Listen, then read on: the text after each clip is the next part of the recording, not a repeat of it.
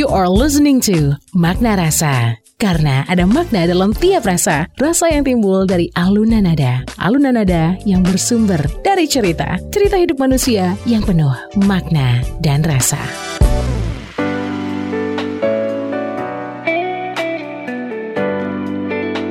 Dari Bumi Karangputih Indarung Padang 103.4 Klasi FM This is the actual radio. Assalamualaikum warahmatullahi wabarakatuh Klasi People. Saya Anda Hayani hadir untuk Anda di program terbarunya Klasi FM Makna Rasa. Dan saya nggak sendirian Saya bersama dengan co-host saya yang uh epic banget deh hari ini Pak Ampri Setiawan Assalamualaikum Pak. Waalaikumsalam warahmatullahi wabarakatuh Anda. You know what? This is my dream. We are having this our own show together. Yes, This is my dream. Oh, Yeah oh thanks Dan God. finally kita datang dengan program ini ya Pak ya Iya. Makna Rasa. So Classy People Selamat datang sekali lagi. Mungkin masih banyak yang bertanya Ini makna rasa apaan sih? gitu ya. Hmm. Jadi kita pengen mencoba untuk Mengajak Classy People Menyadari bahwa ada makna dalam tiap rasa. Hmm, Rasa yang muncul dari alunan nada. Alunan nada yang datang dari cerita. Hmm. Cerita hidup manusia yang penuh asa. Kita akan membahas semua tentang musik Satu lagu dikupas habis bareng Pak Ampri Setiawan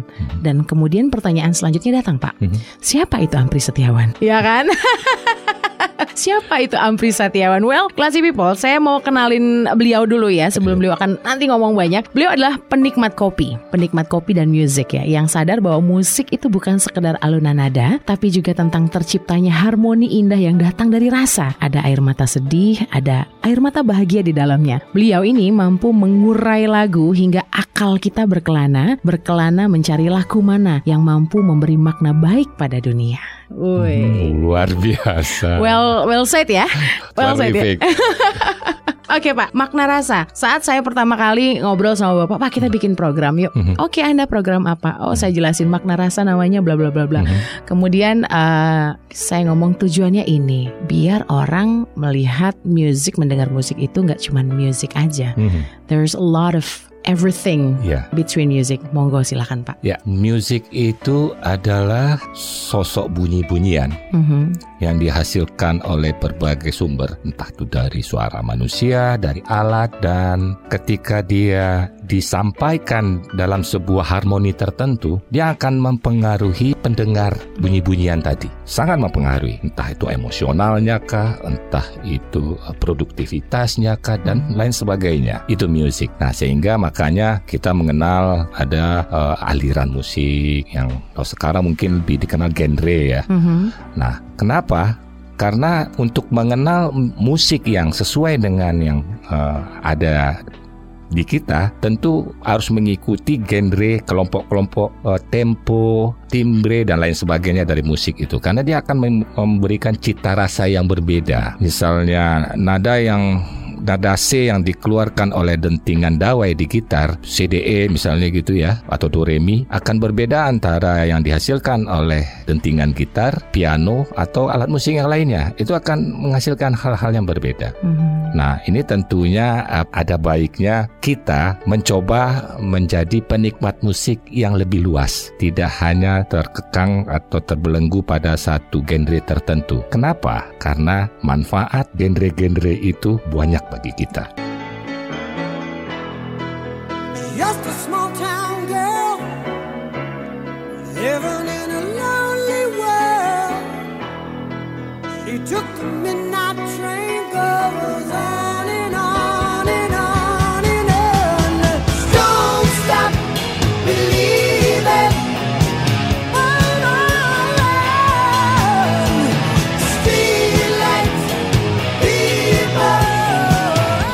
mia, mamma mia. Mamma mia, let me go. Beelzebub has a devil put aside for me. For me. For me.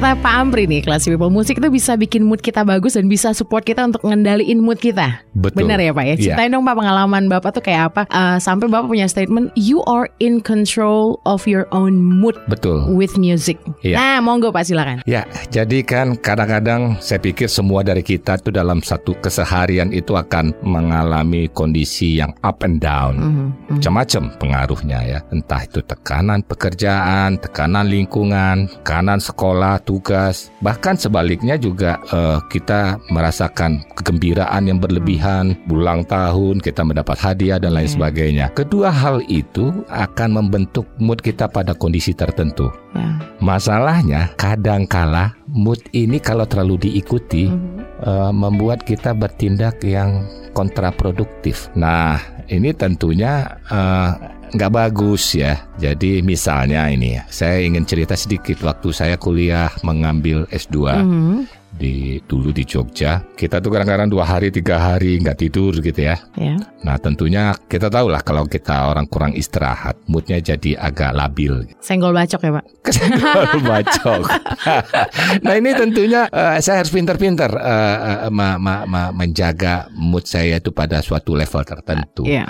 Nah mungkin kalau pas di malam agak-agak slow lah musiknya. Tapi ketika pagi nggak mungkin lagi dengar lagu-lagu yang sifatnya opera atau klasik atau pop gitu. Harus yang lebih kuat gitu kayak progressive rock atau heavy metal dan semacamnya. Gitu. Mhm. Kenapa? Karena pagi kita harus start on istilahnya di Iya. situ. Mhm. Nah kita harus walaupun kondisi fisik kita waktu itu mungkin lelah karena nggak tidur. Nah apa yang terjadi? Ya dua hari nggak tidur tuh nggak berasa kalau pagi hari. Nah ketika mulai sore hari kita dihadapkan dengan tugas-tugasnya. Nah pandai-pandailah kita membuat tricky lagi dengan musik-musik yang sesuai. Tapi yang paling penting adalah saya pada waktu itu memilih lagu-lagu yang lirik-liriknya eh, tidak melo.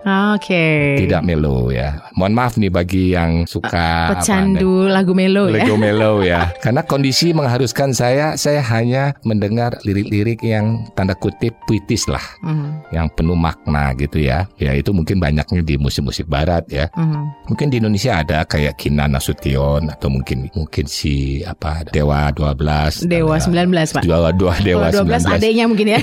Dewa 19 ya, kayak kayak gitu. Puitis banget itu. Oke, jadi benar bahwa kita tuh bisa ngendaliin mood kita ya. Sangat Dengan mungkin. musik ya. Sangat mungkin. Sangat membantu gitu. Iya. Oke. Nah, kita udah bikin uh, polling, Pak. Iya. Jadi ada 223 Iya. yang melihat polling kita Aha. dan join begitu ya.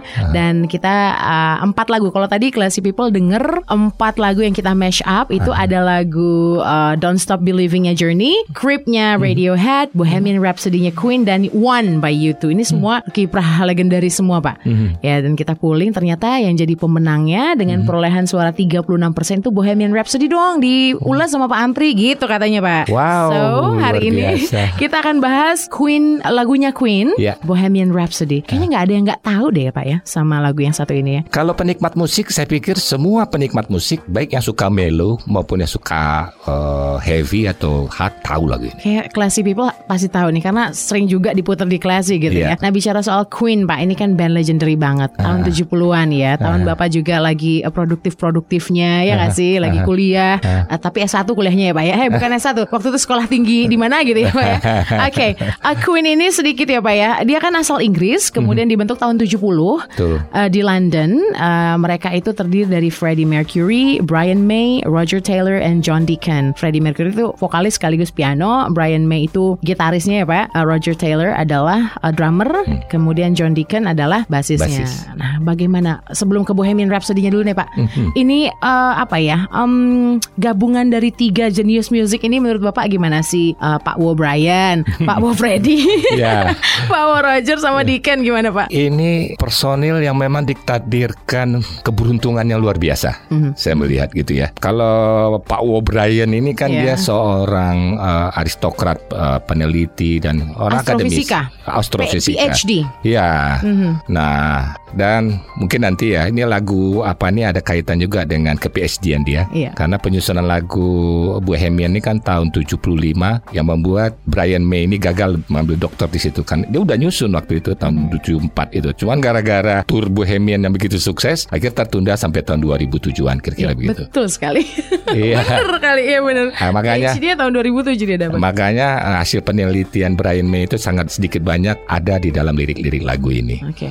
Dan yang jelas Brian May ini dia karena seorang eh, sarjana astrofisika, dia sangat saintis sekali dalam memainkan nada-nada dan sangat dipengaruhi oleh background dia sebagai peneliti eh, alam semesta di situ. Jadi bunyi-bunyiannya agak bunyi-bunyi yang sangat elektronik, agak-agak seperti itu dari dari melodinya. Melodinya berciri sekali memang Queen ini. Pak, Sangat. ya. Berciri sekali. Khas Betul, banget. Sangat. Nah, itu seorang Brian May dan Brian May May ini menjadi orang yang sangat diidolakan oleh Freddie Mercury pada awalnya. Oke. Mm-mm. Dan kebetulan Freddie Mercury di situ dia punya kekhasan dalam piano dan produktif dalam ciptakan lagu dan juga seorang penyanyi. Dia seorang yang mempunyai pribadi yang nanti di lagu ini menggambarkan pribadi dia sebenarnya itu dan dia seorang dalam ciptaan-ciptaan lagunya termasuk lagu eh, Radio Gaga dan sebagainya itu adalah menggambarkan Freddie perjalanan hidup Freddie mulai dari Zanzibar sampai ke Inggris Iya. dan akhir ke Amerika. Iya. Itu tipikal si Freddie. Kalau si Roger Taylor, dia memang sejak awal, sejak di Smile itu dia temenan sama si Brian May. Dia seorang uh, ahli elektro, sehingga dia sangat mewarnai uh, apa ya bunyi-bunyian yang terrific, yang luar biasa gitu, yang fantastis pada zaman itu. Karena karena uh, si Roger Taylor ini suka mengutak-atik uh, electricity apa namanya Alat-alat itu ya. instrumen-instrumennya gitu Instrumen ya. itu. Dan gitarnya Brian May itu nggak ada orang yang jual. Gitarnya Brian May itu adalah gitar yang sudah diimprove oleh si Roger Taylor. Oh, I see. Nah, itu. Wow, ya. Nah, sekarang siapa? John Deacon. Deacon. Deacon, Ah, ya. Deacon ini kan dia sarjana sejarah, biologi dia, biologi. Mm-mm. Dia tipikalnya eh, apa ya? Agak sama dengan Freddie Mercury ya, dia. Dan akhirnya kan Nyentrik ya. Nyantrik dan akhirnya kan dia mundur akhirnya di Oke. tahun 2000 berapa dia 97 atau berapa dia mundur akhirnya. Hmm. Jadi Bapak tadi bilang sempat waktu kita ngobrol sebelum on air, Roger Taylor ini kan drummer ya. Hmm. Drummer. dalam dalam sebuah band itu kan yang menentukan tempo itu kan Eh. drummer ya. Tapi Iya. justru di di Queen si Taylor ini yang paling eh, Kalem. kalem ya justru. Iya, jadi kalau tiga orang ini, Freddy kan sama si Brian May nih, eh, ini dia, dia ada orang-orang alirannya itu yang keras, Progresif apa, gitu ya. progresif Aha. gitu orangnya. Apa pun, makanya dia akan menjadi warna dari Queen, walaupun dia meramu mulai dari balad apa pop, tetap semuanya berbau progresif. Karena tiga orang ini, namun dijaga temponya oleh sang drummer yang sangat kalem yaitu Roger Taylor. Oke. Sangat-sangat lengkap di grup ini luar biasa. Oke, uh ini baru sesi awal nih Classy People ya. Kita baru ngomongin Queen ya, belum ke Bohemian Rhapsody-nya ya. Iya. Dan eh, ternyata Queen itu sebelumnya memang Smile namanya ya Pak ya, belum Smile. Queen. Eh, jadi Queen saat si Freddie masuk Aha. Uh, dan dia merubah namanya dari Freddie Bulsara jadi Ah. Freddie Mercury dan memutuskan namanya jangan Smile deh Queen aja. Jadi jadilah Queen pada waktu Ah. Iya. itu ya. Tahun 70 lebih tepatnya mereka merubah. Oke, Pak nanti kita lanjut lagi ya. Siap. Kita akan mengupas ngulik tuntas tentang Bohemian Rhapsody. So classy people stay on Classy FM. Tune in terus karena kita akan balik lagi di Makna Rasa bareng Pak Ampri Setiawan. Makna Rasa. Ada makna dalam tiap rasa.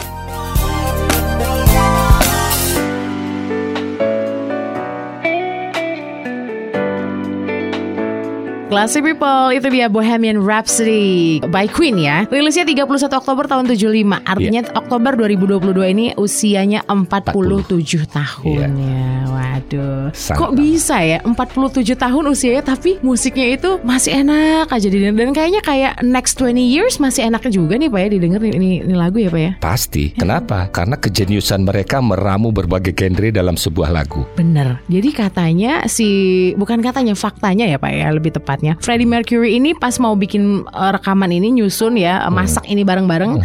Saya punya uh, materi untuk tiga lagu nih katanya. Iya. Tapi saya pengen gabung ini jadi satu, Satu lagu. yang ekstravaganza katanya gitu. Wah keren banget. Nah sekarang it's time for you to peel it layer by layer. Dikupas ini lapis demi lapis ya Pak ya. Tadi Bapak udah bilang warna musiknya ini semuanya lengkap nih genrenya apa. Kemudian kita lihat Pak temponya apa, vokalnya kayak gimana, harmoninya gimana. Belum lagi liriknya. Liriknya nanti aja. Sekarang Bapak mau jelasin tempo dulu, warna musiknya silakan. Ya. Time is yours. Jadi eh, lagu Bohemian Rhapsody saya ambil dari judul dulu.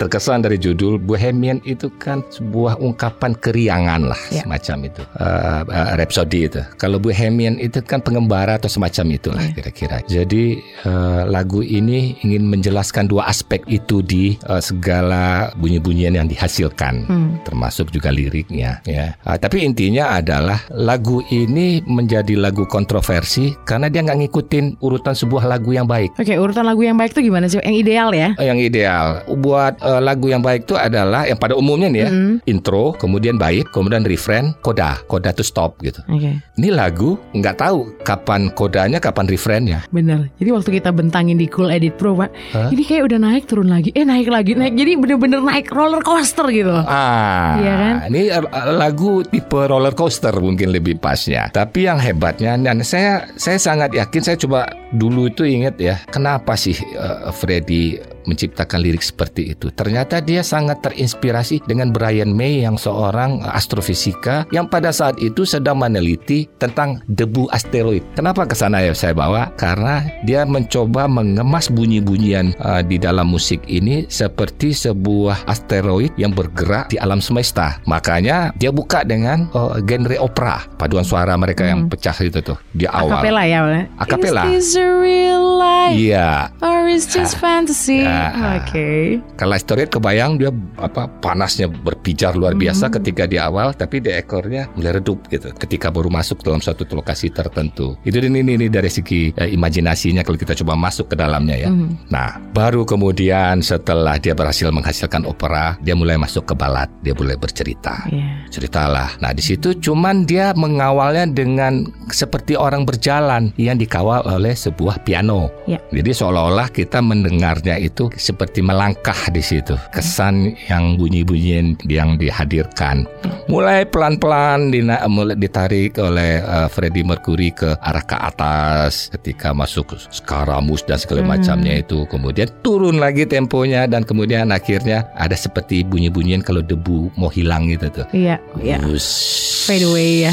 Fade away, fade away. Itu bentuk uh, kodanya dia. Itu dalam bunyi-bunyian yang dihasilkan. Tapi yang jelas adalah uh, lagu ini mampu menghadirkan antara sebuah opera, opera yang biasa yang digunakan untuk sebuah kemegahan Hmm. dengan sebuah lagu yang bercerita macam-macam. Masuk opera, kemudian masuk balad di piano, kemudian dia masuk ke ke ke ketika intonasinya naik dia mulai masuk ke uh, pop uh, progresif dan ketika di rhythm dia gunakanlah rock yang juga progresif Jempreng yang gitu yang progresif gitu ya, yang yang agak lebih uh, heavy gitu. Nah, kemudian dituruni lagi roller coasternya. mia, mamma mia Ah, ya kan. Masuk lagi uh, Masuk lagi ya.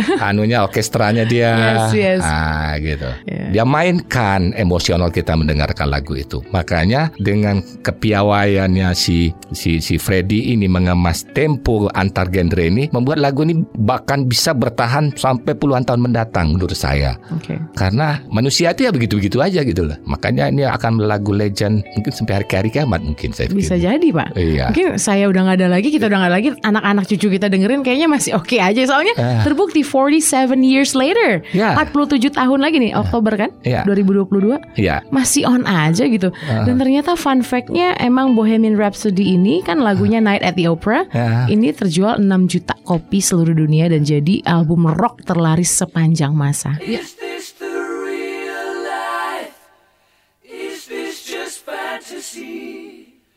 Caught in a landslide, no escape from reality. Open your eyes, look up to the skies and see. I'm just a poor boy, I need no sympathy. Because I'm easy come, easy go, little high. Little law.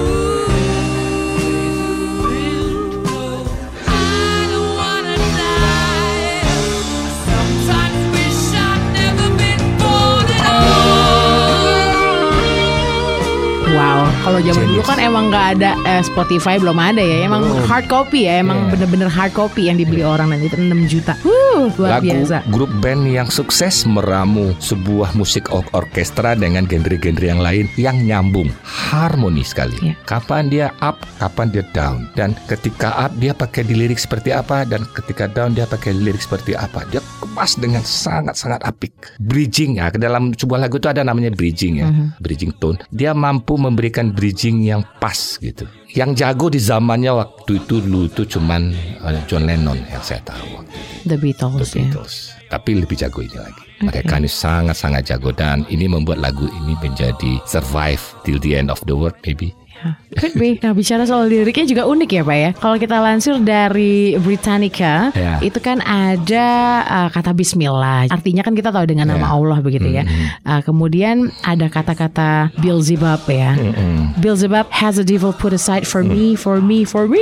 Kan itu bagian si Taylornya nyanyi nada paling tinggi ya. Nah pertanyaannya siapa nih Beelzebub ini? Dan hubungannya apa dengan kata Bismillah? Kan itu ya Pak ya. Iya. Artinya kan luar biasa. Nah kita lansir lagi dari uh, Britannica. Aha. Beelzebub ini kan ternyata pangeran setan kan. Iya. Uh, sering di ini di, di digambarkan begitu dia sering menghadirkan kehancuran, bikin manusia ikut dia gitu ya dan jadi ya pokoknya eh, negatif banget deh ya. Perang, pembunuhan yang kayak kayak gitu. Nah, Beelzebub ini termasuk Three Fallen Angels itu loh Pak yang sama Lucifer, Leviathan sama Beelzebub ini. Banyak asumsi yang bilang kalau Freddy ini ya kan latar belakang keluarganya kan Zoroaster ya Pak. Dia Iya. kan peng- penganut apa gitu. Iya betul. Kemudian karena background dia itulah dia memasukkan unsur-unsur yang kayak kayak gini Iya. ya kan unik. Jadi intinya kalau disimpulkan lirik ini ngambarin pertentangan antara sisi gelap dan sisi terang manusia Benar. di setiap manusia kan Iya. sepanjang hidup kita kan itu kayak gitu ya Pak. Iya. Dan si May juga bilang Pak Wo Ma- yang gitarisnya Queen Brian May bilang bahwa saat itu kan dia nyiptain bareng-bareng ya kan Iya. Brian May kan masih hidup sekarang gitu. Iya. Dia bilang bahwa Bohemian Rhapsody itu lagu yang bener-bener Freddie banget. Dia banyak memasukkan dirinya ke lagu Iya, itu katanya. iya. gitu. Setuju ya Pak? Iya, Tergambar. setuju karena memang di dalam lagu ini dia banyak mendapat inspirasi secara bunyi-bunyian tadi Hmm. dari Brian May yang lagi nyusun uh, tesis doktoralnya waktu itu dan dari liriknya dia mendapat inspirasi tiga lagu dijadikan satu. Iya, 6 menit ini durasinya loh. dan itu. dan Freddy itu biasanya dia sangat saya banget gua banget gitu loh kalau dia- jadi misalnya kayak lagu di sini ini eh, dia ambil contoh misalnya ya ada yang mengatakan misalnya Uh, Beelzebub tuh gua banget kata si Freddy. Terus kemudian uh, ada lagi si Scaramouche, Scaramouche. ah bukan? Scaramouche. Scaramouche. Ah, Scaramouche tuh kayak John Deacon katanya gitu. Ah, oke. Ah, ke- Galileo? uh, Galileo itu uh, Brian May. Iya. Jadi dia selalu hadir bahwa Brian May itu adalah Galileo di mata dia gitu. Dan itu mewarnai ciptaan-ciptaan lagu yang lain gitu. Radio Gaga dan lain sebagainya. Dan yang kemudian si Roger Taylor itu uh, Vicaro. Vicaro, ya, ya, Vicaro. ya, ya, ya. Wah, Vicaro itu kan adalah uh, kucing yang berdasi yang suka ditampilkan dalam opera di Italia itu. Mhm. Nah, si Roger Taylor itu merepresentasikan itu seorang yang pemalu, Ah. eh, yang gemesin, nggak banyak omong. Nah, ada juga yang merepresentasikan seperti itu dari sebut-sebutannya itu. Jadi dia Freddy itu seperti merepresentasikan dengan mana Allah, yuk kita berempat membuat sesuatu yang luar biasa gitu. Ah, Oke, ini unik banget ya nih orang ya, Sangat. si Freddy ini. Tapi genius in music. So, uh, classy people, ini nih makna rasa. Kita tuh nggak cuma bahas enaknya musik, tapi dalamnya kita omongin juga. Nanti di sesi selanjutnya kita akan ngomong ya, Pak ya. Iya. Kita lupa tadi lirik awalnya itu Mama, I killed a man. Yes. Di awal-awalnya I killed a man, put a gun against his head, pulled my trigger, now he's dead. Ada kata penyesalan di situ ya Pak ya. Iya. Uh, secara eksplisit sih nggak ada ya, tapi implisit iya ya. Mm-hmm. Uh, ada rasa penyesalan yang disampaikan sama Freddy melalui lagu ini. Nanti kita akan bahas di sesi selanjutnya. Masih di makna rasa Classy People tetap ya di sini bareng Pak Ampri Setiawan dan saya Anda Hayani. Makna rasa. Ada makna dalam tiap rasa.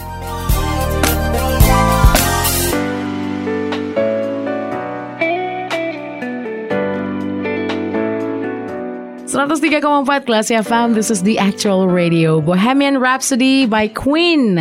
Kurang lebih 47 tahun yang lalu dirilis Tapi sampai sekarang kiprah ini masih enak banget didengar. Dan kita masih bahas ini bareng Pak Ampri Satiawan dalam makna, rasa. Selalu ada makna dalam tiap rasa ya Pak ya. Eh, Saya suka banget acara ini karena ngajak kita untuk berkelana Pak akalnya Pak. Dan Bapak ngajak kita mainnya jauh gitu.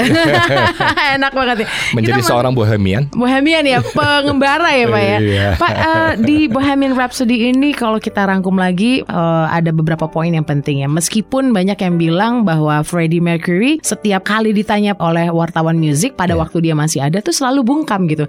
Dan dia kayak membiarkan ya udah biarin aja penikmat musik mengartikan sendiri, menginterpretasikan sendiri apa yang gue bikin. Kayak gitu tuh. Si Freddie memang sengaja bikin orang tuh berkelana akalnya gitu. Untuk seluruh ciptaannya. Untuk semua ciptaannya bahkan. Enggak pernah dia menceritakan ini karena ini karena ini enggak. Disuruh kepada para pendengar untuk menginterpretasikan. Jadi Freddy itu mengatakan bahwa imajinasi itu enggak terbatas gitu. Silakanlah mengembara kalian mendengarkan karya-karya kami. Itu kira-kira lah Freddy mengatakan itu. Hmm, Oke, nggak Iya. nggak banyak ya musisi yang seperti itu ya Pak ya? Enggak, paling yang agak mirip seperti itu John Lennon paling. John Lennon lagi ya. Benar-benar. Oke, di awal-awal lirik itu eh, seperti yang saya bilang tadi ya Pak ya. Aha. Ada lirik yang bilang Mama I killed a man. Iya. Put a gun against his head, pulled my trigger and now he's dead. Dia bilang kayak gitu. Eh, ada kata-kata I'm sorry Mama kayak gitu ya.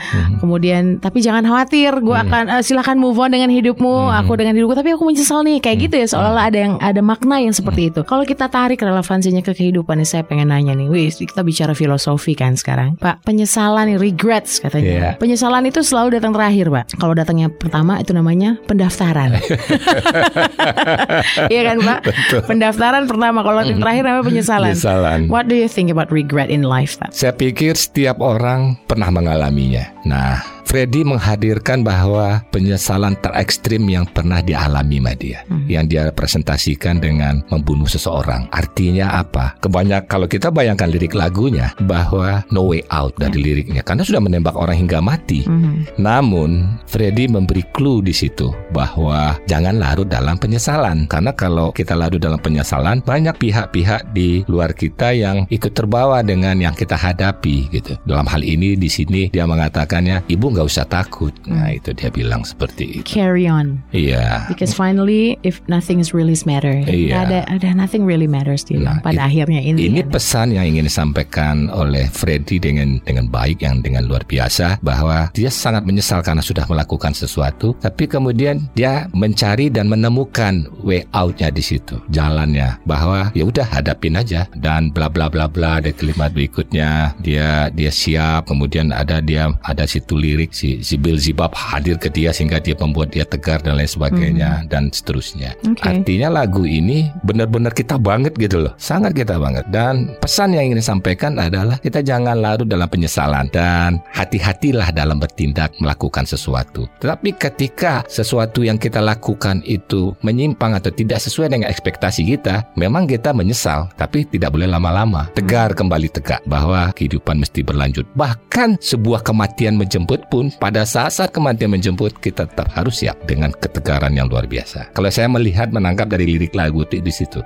Oke. bahwa eh, pesannya sangat dalam sekali dalam kehidupan. Bagaimana seorang Freddie Mercury merantau dari Zanzibar ke Inggris, kalau nggak salah bapaknya dulu tuh apa ya, pekerja ekonominya kurang bagus dan dia agak diterpinggirkan, berjuang hidup dan kemudian gagal berjuang hidup dan bahkan sampai menjemput kematiannya adalah sebuah pilihan hidup yang sebenarnya dia sesali, tapi apa boleh buat gitu. Nah, dia kan kena penyakit Iya. waktu itu dari pilihan hidup yang dia sadar itu pilihan hidup dia itu keliru. Kita tahu bahwa Freddy ini juga punya pacar perempuan yang dia bilang selalu ke teman wanitanya ini, "Sudahlah, kalau kamu mencintai saya, kita berjarak saja karena kamu tidak akan bisa memahami saya 100% Hmm. kepada teman wanita." Apa yang terjadi sehingga akhirnya si perempuan itu akhirnya punya teman Pasangan hidup pasangan baru. hidup Mhm. baru, tapi mereka memiliki apartemen yang saling berdekatan. Jadi mereka bisa saling ketemu dalam saat-saat tertentu, walaupun hanya hanya berpandangan. Katanya lagu Love of My Life itu dari si itu pak Betul. Nah, Mary Ann ya namanya kalau nggak salah. Mary Ann. Mary Ann. Lagu Love of My Life itu adalah lagu yang diperuntukkan oleh Mary untuk Mary Ann. Hmm, Cinta tetap kita jaga walaupun kita punya jarak di situ. Oke.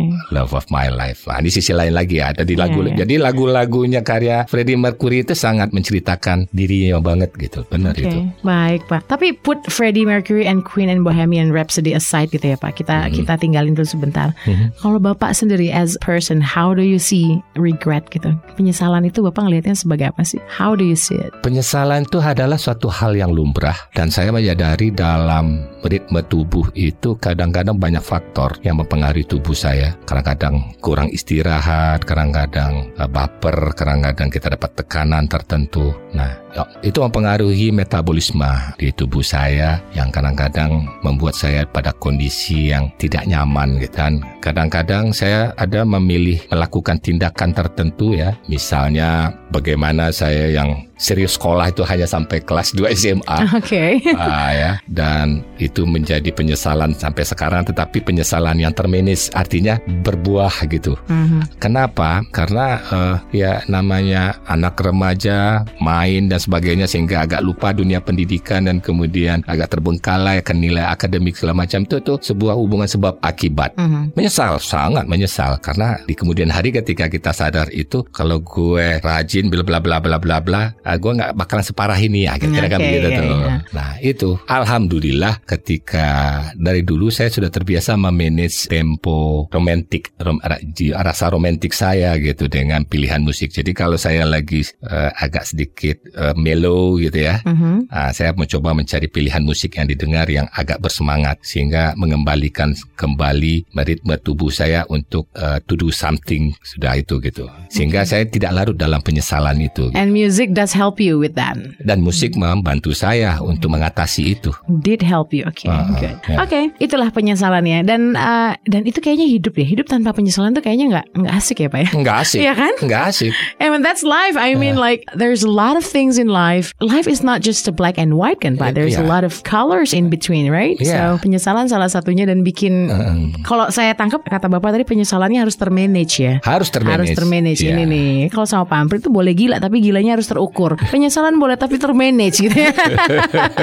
Pak, soal pertempuran baik dan buruk terhadap diri sendiri, kayak si Bohemian Rhapsody tadi ya, ada kata Bismillah, ada kata Beelzebub, ada banyak gitu ya. Eh, kemudian banyak yang menyimpulkan bahwa this is about um, the battles between good and evil Iya. in someone's uh, self gitu ya, Iya. di diri seseorang. What do you think about this? Kunci pertama dari lagu ini, seorang Freddie Mercury memahami sosok-sosok yang hadir dalam kehidupannya dia. Sosok-sosok yang hadir untuk kebaikan dan sosok-sosok sosok-sosok yang hadir untuk keburukan. Freddy walaupun walaupun dia seorang majusi penyembah api, Mhm. tapi istilah kata-kata dengan nama Allah itu dikenal dalam dunia majusi dan itu adalah digunakan untuk memulai segala sesuatu dengan baik. Apakah segala sesuatu yang dimulai dengan baik dengan membaca bismillah itu akan berlangsung juga dalam baik? Belum tentu. Ya. Belum tentu. Di situ terjadilah pertempuran antara baik dan buruk tadi. Mhm. Nah, di sini Freddy ingin menceritakan ketika terjadi yang tidak baik, oh itu si Belzebub yang main itu katanya gitu. Dia bisa membaca itu gitu. Sehingga ketika tokoh-tokoh yang baik dan buruk ini hadir, dia bisa membaca secara utuh dari sosok-sosok yang bermain dalam eh, eh, ritme waktu yang dia jalani. Dalam hal ini si anak yang sudah membunuh tadi. Iya, iya, iya. Dia representasikan seperti itu gitu.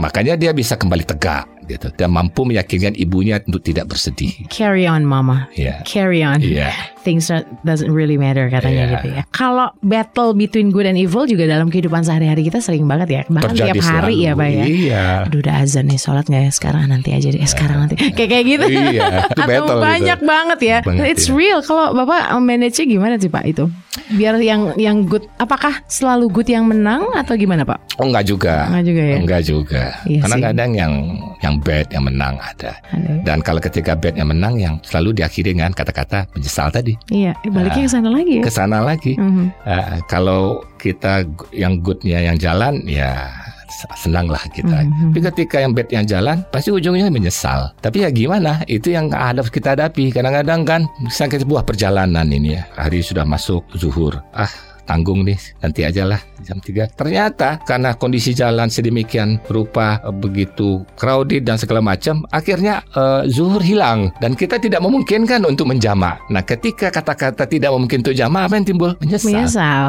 Iya Nah, iya. Nah, dan seterusnya dan seterusnya. Ya itulah kira-kira battle yang kita hadapi setiap hari, mulai dari bentuk yang sangat sederhana sampai yang sangat kompleks. iya benar. Nah, tinggal kita bagaimana memanage eh, penyesalan yang ada tadi. Dan kalaupun yang baik kita dapat, jangan terlalu larut dengan kebaikan. Ada orang yang habis di wisuda pesta mabuk-mabukan dan Ah, akhirnya malah iya. jelek jadinya. Kira-kira begitulah. Oke, uh, the battle between good and evil. Saya yakin classy people pernah mengalami itu. Bahkan mungkin saat ini sedang mengalami ya. Oh iyalah. Di di ini kita temenin deh pak ya. Jangan sendirian, kita temenin ya pak ya, Kita dengan makna temenin. rasa ya. Iya. Jadi kalau moodnya lagi eh, ya lagi nggak oke, pilih musik-musik yang tepat ritmenya, temponya. Jangan Iya. sampai kalau lagi sendu pak, Wah. dengernya yang melo juga. Jangan. Tapi itu bener loh pak ya, it's real bahwa ada yang salah denger musik terus jadi bunuh diri itu banyak loh. Pak. Betul. Ada loh gitu Iya. maksudnya. Karena salah milih aja gitu. Jadi moodnya makin down. Down. Jadi harus pinter-pinter milih musik nih. Bahaya nih ya. Kalau nggak, bapak pernah dengar cerita kayak gitu nggak pak? Sangat. Atau melihat dengan pengalaman pribadi temen yang lagi galau terus malah denger lagu yang makin galau, jadi makin galau lagi. penyanyi Linkin Park ya. ya, iya, iya. Vokalis Linkin Park ya. Vokalis Linkin Park itu ketika dia mohon maaf menggantung diri itu Hmm. sambil diiringin musik dia yang membuat dia tidak kembali baik tapi justru semakin memutuskan dia gantung diri. Seperti itu. Jadi sebaiknya memang ketika kita dalam kondisi yang sangat tegang, kita carilah genre musik yang lebih ringan. Iya. Kan kalau kita bisa urut tuh kan musik yang paling slow itu mungkin temponya di di klasik mungkin ya agak meningkat sedikit ke pop gitu. Mhm. sampai yang tertinggi di heavy. Itu memberikan memberikan ritme ya, rasa yang berbeda ke kita. Bagaimana ketika mendengarkan hard rock, progressive rock, heavy, jantung kita ikut berdegup gitu ya. Jadi kita pandai-pandai aja membaca bahasa tubuh kita ketika jantung kita lagi berdegup, kecemasan yang luar biasa, jangan rock yang didengar. Makin berdegup-degup ya. makin berdegup-degup. Dengarlah lagu-lagu yang relatif eh, lebih Soft, soft ya. seperti pop atau kalau bisa juga semacam opera boleh juga kalau bagi Hmm. penyuka opera. Gitu. Bahkan ada yang justru nggak musik tapi ya musik juga sebenarnya tapi bunyi aliran, aliran air ngalir Ah, biasa yang- ada yang kayak gitu tuh Iya musik. musik alam gitu loh pak Iya. kicauan burung Hmm. sometimes bunyi sungai mengalir air saya mengalir. kenal tuh pak orang Iya. yang uh, selalu memutarkan lagu-lagu alam kayak gitu Iya. dan menariknya gini pak saya punya anak ya pak ya anak saya itu empat tahun Iya. jadi dia saya saya menangkap dia lagi goyang-goyang. Eh kamu lagi ngapain? Itu ada lagu lagu apa lagu ayam berkotek dia bilang Iya. Hah lagu ayam berkotek Iya Coba deh Mimi denger dia bilang Terus saya dengerin gitu Dia dia membuat saya mendengarkan si ayam berkotek ini Kan kalau kita orang gede mah Ayam berkotek biasa aja Tapi buat dia It's it's a hidden music gitu Iya, imajinasi dia tumbuh di situ. And yet somehow he- she managed to find the rhythm Hmm. out of that ayam berkotek gitu pak. And then next day gitu ya, dia joget-joget lagi. Kamu ngapain joget-joget di kamar mandi nggak boleh? Iya itu ada lagu air dia bilang. gitu. Jadi ada bunyi keran Iya. masuk ke bak mandi itu kan bunyi ya pak. Iya. Buat kita kan berisik ya. Iya. Kalau buat saya ini apa sih air gitu. ya. Kalau bisa tuh dikasih sesuatu biar nggak bunyi gitu. Eh tapi buat dia it's a music. Iya. Ini lagu air mi dia bilang kayak gitu. And then I realized okay there is a hidden music in every sound dong berarti ya kan pak. Iya. Even itu mungkin mesin jahit, rel kereta api. Kalau kita take a closer moment Aha. to listen, Aha. I think we can find the rhythm out of it. Oh iya, Right? i- pastilah. Dan saya ingin beri kesempatan apa tadi ya, tanggapan sedikit bahwa anak yang berumur di bawah 7 sampai 10 tahun, Mhm. mereka jauh-jauh lebih sensitif dibandingkan usia di atas itu. Mereka jangan kaget, mereka kalau kita pandai membacanya, mereka bisa menciptakan sebuah lagu dari mereka alami. Anak-anak Eh, umur iya situ. loh, eh, iya Betul. bener saya langsung relate. Dia Iya. tuh suka ngarang-ngarang lagu sendiri, Iya. nyanyi-nyanyi sendiri ya Iya. ampun. Oke, Ah, Iya. nice. Uh, itu kelebihannya. Nah, artinya apa? Jadi, kalau saya melihat perjalanan hidup kita ini kan mulai dari balita, remaja, dewasa, dan tua. Mhm. Balita sama tua ini agak mirip nih sensitivitasnya dia dalam menangkap bunyi-bunyian. Mhm. Nah, sebaiknya ketika remaja dan dewasa itu sensitivitas bunyi ini nih tetap kita jaga. Maintain ya.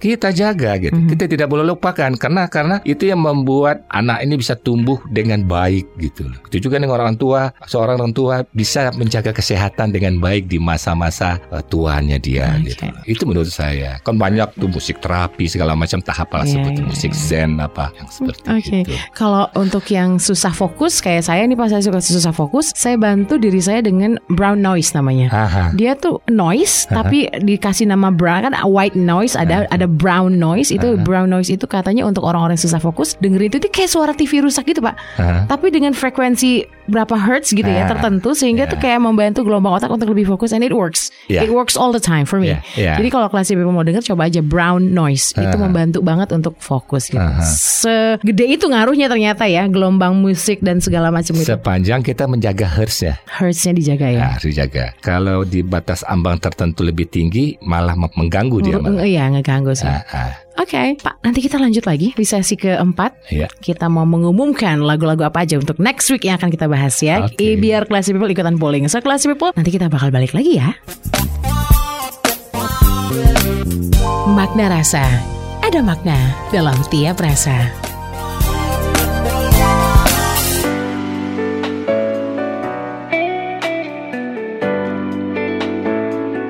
103,4 Kelas FM This is the actual radio Makna Rasa With Ampri Satiawan Kembali hadir untuk Anda Bareng saya juga Anda Hayanis Kita di sesi terakhir nih ya Kita akan mengumumkan. Besok kita bahas lagu apa aja. Pilihannya ya. Kita akan adain polling juga nih Pak. Iya. Polling di Instagram story kita Classy People. Ikutan ya jangan lupa ikutan. Pilih dari empat lagu yang kita siapin Lagu mana nih yang paling pengen dibahas? Pertama itu ada Man in the Mirror by Michael Jackson. Hmm. Oke, kemudian ada Living on a Prayer by Bon Jovi. Woi, Wow. Bapak asik banget nih lagu ini nih. Wow. Ini Bon Syarat. Jovi lagi di ini banget nih ya. Syarat lagi di pesan di sini. Betul, syarat banget. Bahkan ini masuk ke uh, Rolling Stone 500 uh, Best Music All the Time. Kayak gitu-gitu ya. Dia kan bikin ngerangkum.